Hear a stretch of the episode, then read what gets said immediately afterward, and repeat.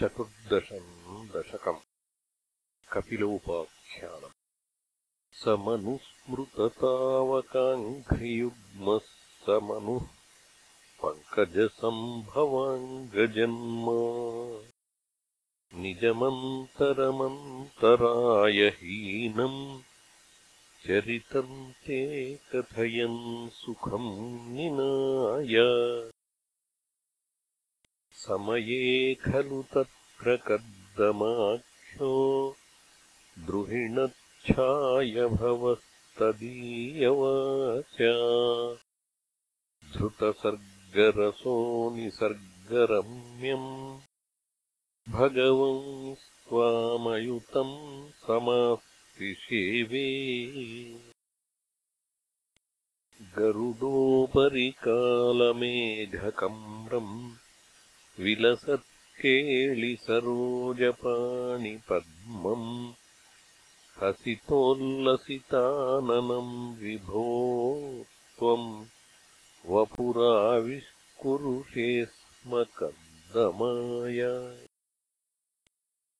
स्तुवते पुलकावृताय तस्मै मनुपुत्रीम् दयितान्न वापि पुत्रीः कपिलम् च सुतम् स्वमेव पश्चात् स्वगतिम् चाप्यनुगृह्य निर्गतो भूः।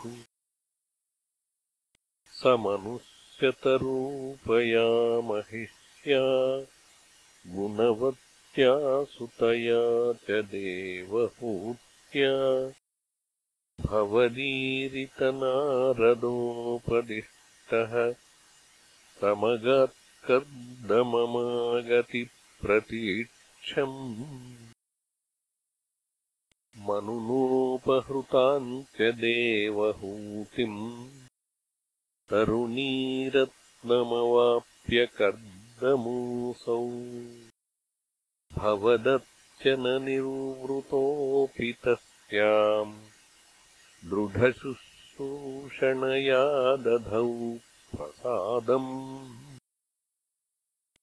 स पुनस्त्वदुपासनप्रभावात्। दयिता कामकृते कृते विमानी। वनिताकुलसङ्कुलेन वात्मा।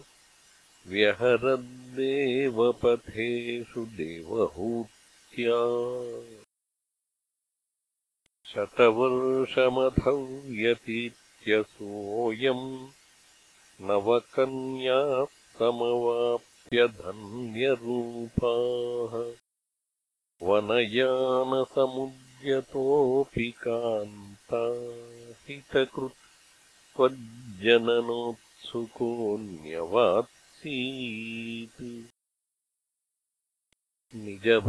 निजभर्तृविराभवन्निषेवा निरतायामथ देव देवहूत्याम् कपिलस्त्वमजायथा जनानाम् प्रथयिष्यन् परमात्मतत्त्वविद्याम्